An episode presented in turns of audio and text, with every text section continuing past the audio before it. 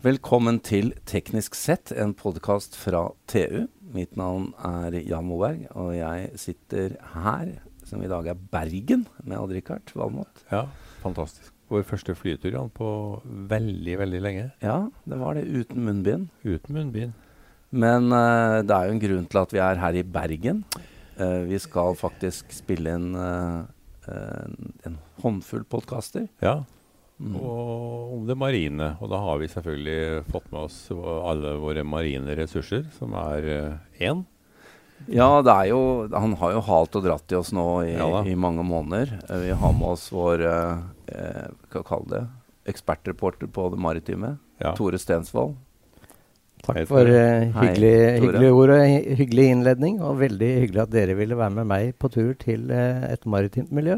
Ja, ja nei, du vet det, det, er, det er jo, det er jo Richard, det er jo som det der bosonet vet du, som du har, har hørt om og har bekrefta, men aldri ser. Så det å, det å få samla det og kommet over hit, er jo, er jo stort. Det er flott. Men det, jeg må jo si det, da, at um, Bergen, maritimt miljø, det er jo litt, Tore spesielt dette at uh, Corvus, batteriprodusenten, la hovedkontoret sitt her. Ja. Det var jo med på å si at nå må vi dra og sjekke ut hvordan det står til her borte. Det syns jeg er så grandiost at vi har fått et uh, selskap uh, lurt over på norske hender. Ja. Og så når de skal uh, ekspandere, hvor gjør de det? I Bergen. Ja. Og da var det også sånn at under Arendalsuka i fjor så møtte jeg hun som er daglig leder i Maritim Bergen, på selveste statsråd Lemkull, der vi var på et uh, felles foredrag. Og dermed så har vi fått komme på besøk til deg, Siv Remøy Vangen. Ja. Takk vel. for at vi fikk komme. Velkommen skal dere være til uh, Norges maritime hoved shippinghovedstad, vil jeg si. Bergen. Ja. Takk. Det er, det er, jo Nå hører jeg du er jo ikke herfra. Nei, det stemmer. Ja, Men um, så noen vil jo si at, uh, at Fosnavåg er et bra senter for maritim næring òg, da. Ja, det, det er det. Men Siv, nå har vi kommet hit, og vi vet at du uh, skal servere oss en uh, tre-fire muligheter i morgen til å snakke med bedrifter som er medlem mm. i Maritim Bergen. Og jeg er i hvert fall her litt på voksenopplæring. Dette er, kan jo Tore mye mer om. Uh, hva som er her borte. Men nå, Richard, vi får bare henge oss på. da. Vi må henge oss på. Vi har mye å lære igjen. Ja, vi har det. Ja. Um, hva sier du, Tore? Er det, er det gull å finne her? Ja, men uh, det er jo selvfølgelig, som, som Siv sier også, at, er Ber at Bergen er den maritime hovedstaden. Det sier man fordi man er i Bergen. Hadde du vært i Ålesund eller Fosnavåg, så er det mulig at uh, geografiske midtpunktet hadde ligget et litt annet sted. Nei, nå skal du høre. Grunnen til vi sier det, er fordi at Norge har en skipsflåte på 1800 skip. Og av de 1800 skipene så er 40% eid og representert og operert, ikke minst, fra Bergen. Det er selvfølgelig et veldig godt poeng. Ja, Så det har med størrelse å gjøre. Enkelt og greit. For meg, Richard. Her, her har vi en bratt læringskurve. Ja, vi har det. Ja. Vi må bare, bare lytte nå. Mm. Jeg må bare si at hvis noen hører noe sånn svak musikk i bakgrunnen, så er det fordi vi sitter i et møterom hos Maritim Bergen, og bak oss er Hotell Norge, og det er et eller annet som skjer ute på plassen her. Uh, anyway, det er bare hyggelig å være her i byen. Men Siv. Mm. Uh, du må fortelle litt om uh, Jeg vet du har et par-tre spesielle områder som dere jobber med. Ja. Det må vi få høre om. Ja, altså Maritime Bergen har nå jobbet veldig aktivt med næringen i de siste årene. Og vi har identifisert da tre satsingsområder eh, som vi nå jobber veldig mye med sammen med næringen. Og det er et område som vi har valgt å kalle Future Blue Sea som omhandler det grønne skiftet innenfor mm. shipping, nærskipsfart og deep sea eller interkontinental shipping. Så jobber vi mye med digitalisering. Uh, shipping, maritim næring prøver jo å være digitale, men jeg frykter at vi er fortsatt litt analoge. Så der har vi litt å gjøre.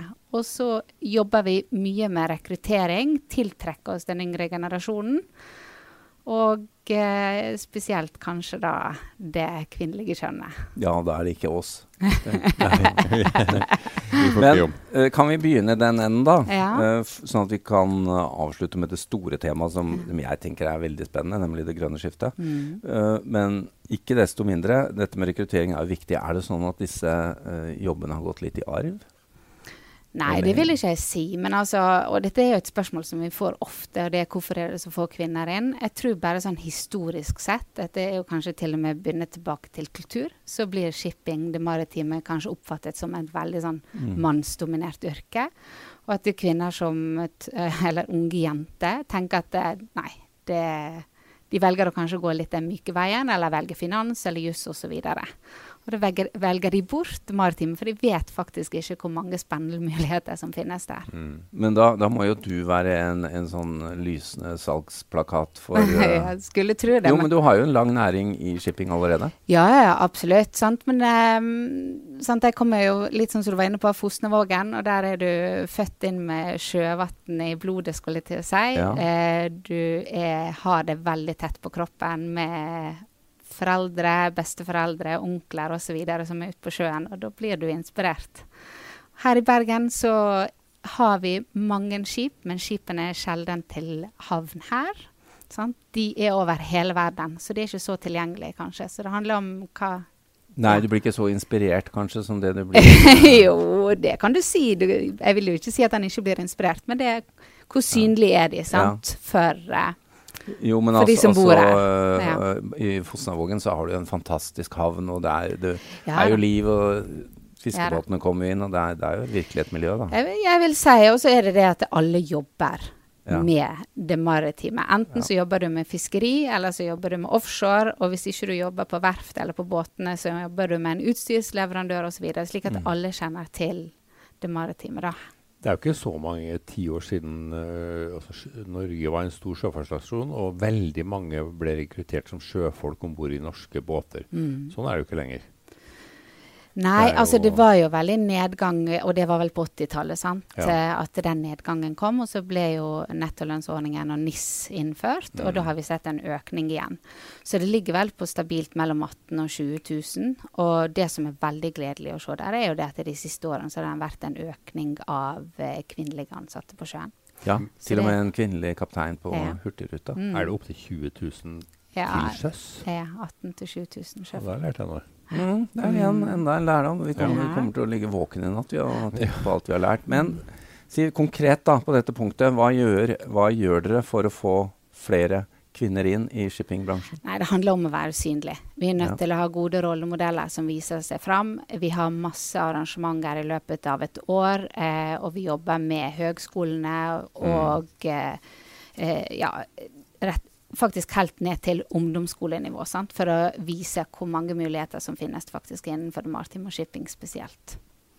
Og så er det jo viktig å vise at det ikke bare er eh, sjøfolk som har banka rust som eh, kan brukes innafor shipping. Ja. For det er jo utrolig mye som denne næringen skal igjennom Mm. som innebærer en modernisering. Ja. Så det gjelder da å få vist dem eh, hva er det dere trenger. Absolutt. Men, men Tore, av kildenettverket ditt og de du snakker med i, i disse utallige artiklene du skriver om kjøl og propeller og batterier og alt, er det, hvor stor andel kvinner er det?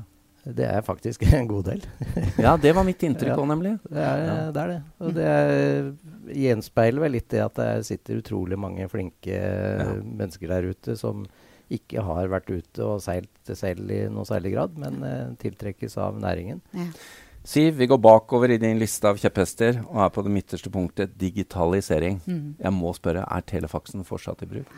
Jeg vil ikke si telefaksen fortsatt i bruk, men den har blitt erstattet av e-post. Så okay. eh, same, same but different, kanskje. Nei, men jeg, jeg, jeg sitter med en litt sånn forutinntatt holdning om at i shippingbransjen så jo, de har jo nettopp avskaffa Telexen. ja, og så altså går det ikke så fort. Og det, det kan være urettferdig, ikke sant? men hva er status? Det er jo selvfølgelig noe dere har fokus på. mye, det er masse som skjer. Og her Ja. i Bergen også har vi firmaer som er veldig i fronten på den utviklingen som skjer med å effektivisere driften. Sant? Og det handler om rett og slett hvordan du organiserer alle skipene dine. Sånn som Oddfjell, Wilson, 100-150 skip. Hvordan kan du ko- koordinere de, sørge for at du hele tiden organisere skipene og lasten på en slik måte at du har høyest mulig effektivitetsgrad Ja. og høyest mulig inntjening. Mye logistikk der. Ja, mye logistikk.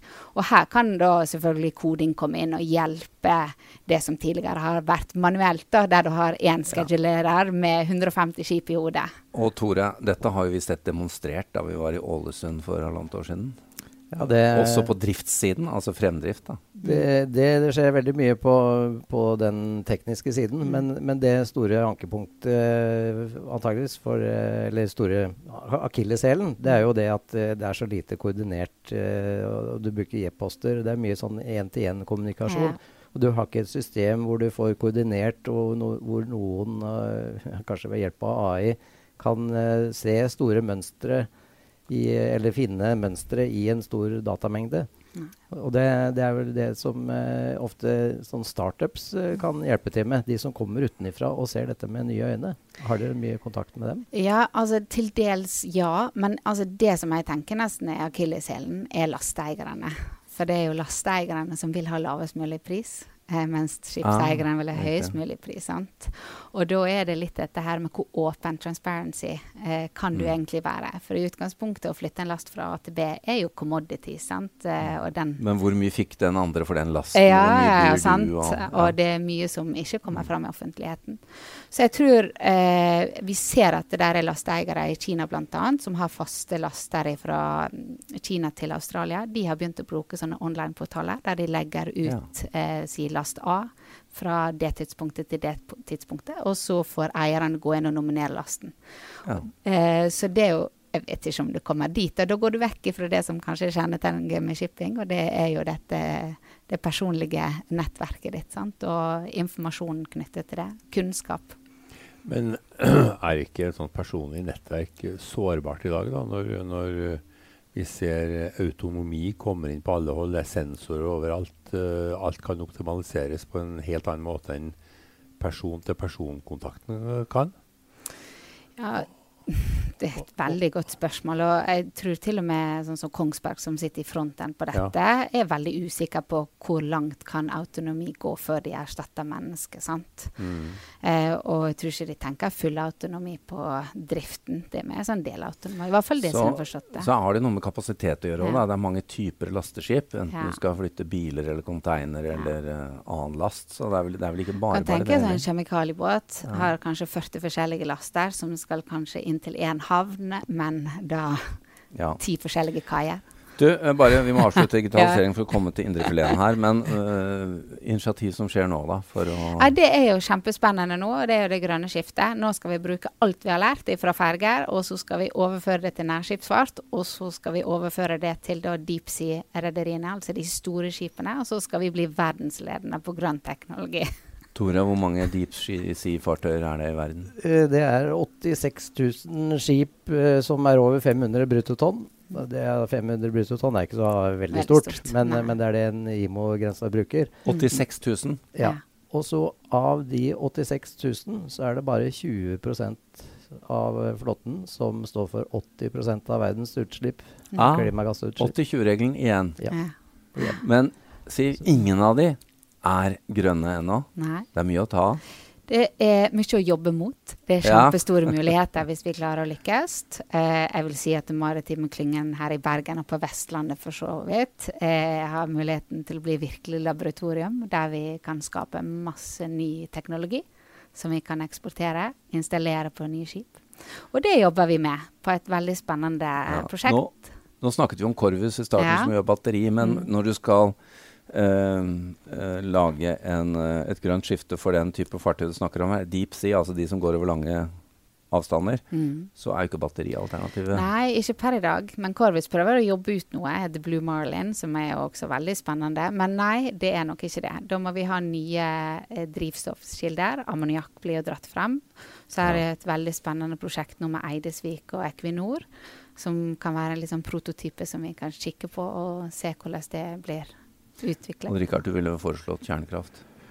Ja, så vidt jeg vet, så er det bare laga ett sivilt uh, kjernekraftdrevet skip, og det var Savannah Mm. i USA på 60-tallet. Ja. Det ble ingen suksess. Nei. Men i, En strålende seilas. Ja, bokstavelig talt. Men uh, vi, må jo, vi må jo også bruke fornybar energi til å produsere ammoniakk. Ja. Vi kan ikke lage det av fossilt drivstoff. Nei. Og der, der kan jo kjernekraften spille en rolle. Ja, fordi hydrogen så er utfordringen at den må, hvis du skal ha med store mengder, så må den kjøles ned, må den ikke det? Den må vel, ja, Du kan jo tenke deg komprimert hydrogen, men sannsynligvis er det vel uh, flytende hydrogen som er uh, muligheten for sånne For det er enormt mye energi som skal til. altså. Det er det. Mm. Å flytte, flytte et stort skip så langt. Jeg vet eh, Lasse Kristoffersen fra Klavne sa at eh, ja. hans skip, som er 90 000 dødvekt, hvis det skulle bli flyttet med batterier, så trengte han et skip på 90 000 dødvekt fullt med batteri for mm. å flytte det. Sant? Så det er liksom bare for å sette det i perspektiv, da. Og Richard, Uh, det, vi kunne jo sitte her i timevis, egentlig. Jeg foreslår ja. at vi lar Tore og Siv avslutte denne podkasten med, med, vi oss tilbake, vi, med, Ja, men med, nå er vi i Bergen her. Vi gleder ja. oss til å snakke med disse, disse, aktørene som Siv har lina opp for oss. Men uh, du skal få siste ordet, Siv. Men Tore, hva, hva ser du for deg av disse aktørene som skal skape, skape herfra den maritime hovedstaden i Norge? Nei, det jeg ser for meg, det er jo at eh, som vi var innom, eh, den der 80-20-regelen. Her i Bergen så sitter det veldig mange store rederier med store flåter. Kanskje og, enda verre enn 80-20? Eh, kanskje det. Ja. det er mange nærskipsrederier her også som eh, har en, eh, mange, men mindre fartøy. Men, men det, det, som er viktig, er jo at de klarer å, å koordinere og sette inn støtet for eh, forskningen den store utfordringen er jo det høna og egget. Hvem kan uh, komme med det utløsende bidraget? Hva, mm. hva er det de, dere savner og trenger fra f.eks. myndigheter eller andre partnere? Altså, vi opplever jo at myndighetene er veldig framoverlent på dette. Men altså, nøkkelen ligger jo hos lasteeierne. Eh, fordi at det, der er ikke betalingsvillighet for grønn teknologi sånn som det er i dag. Og grønne fremdriftssystemer på skip. Og Et eksempel som har kommet fra en eier her, er at uh, markedet er villige til å betale for et nybygg som koster 80. Verftene kvoterer 100, og med grønn teknologi så koster det 130. Akkurat, og så ja. kan du kanskje få støtte fra Enova på si 40 så er du nede i 110. Og det er fortsatt et gap på 30. Hvem er det som skal betale det? Mm.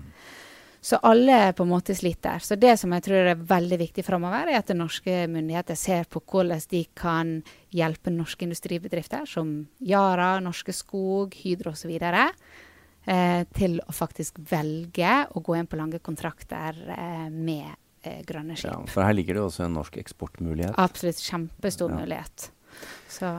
Og så må vi satse på havvind og få grønn hydrogen og ja, nå må vi lage minst en podkast til hvis du begynner på det. Vi, uh, vi, skal avslutte i denne omgang. Men Siv Rømme Vangen, mm. dette var uh, veldig opplysende. Og Richard og jeg kommer til å sitte og ja, tenke litt på dette. Ny informasjon nå, Richard. Du klarer vel å konsumere det? Tenke litt på ammoniakk nå i de ja, ikke sant. Ja. Så, um, så uh, setter vi pris på at vi fikk komme hit, og skal følge med Tore han følger jo med på hva som skjer her borte i Bergen. De Aha. snakker mye og høyt, så vi regner med at det blir litt action også. Vi satser på at det blir eh, mye action framover. I hvert fall mange muligheter.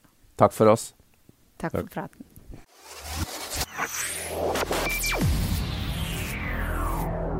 you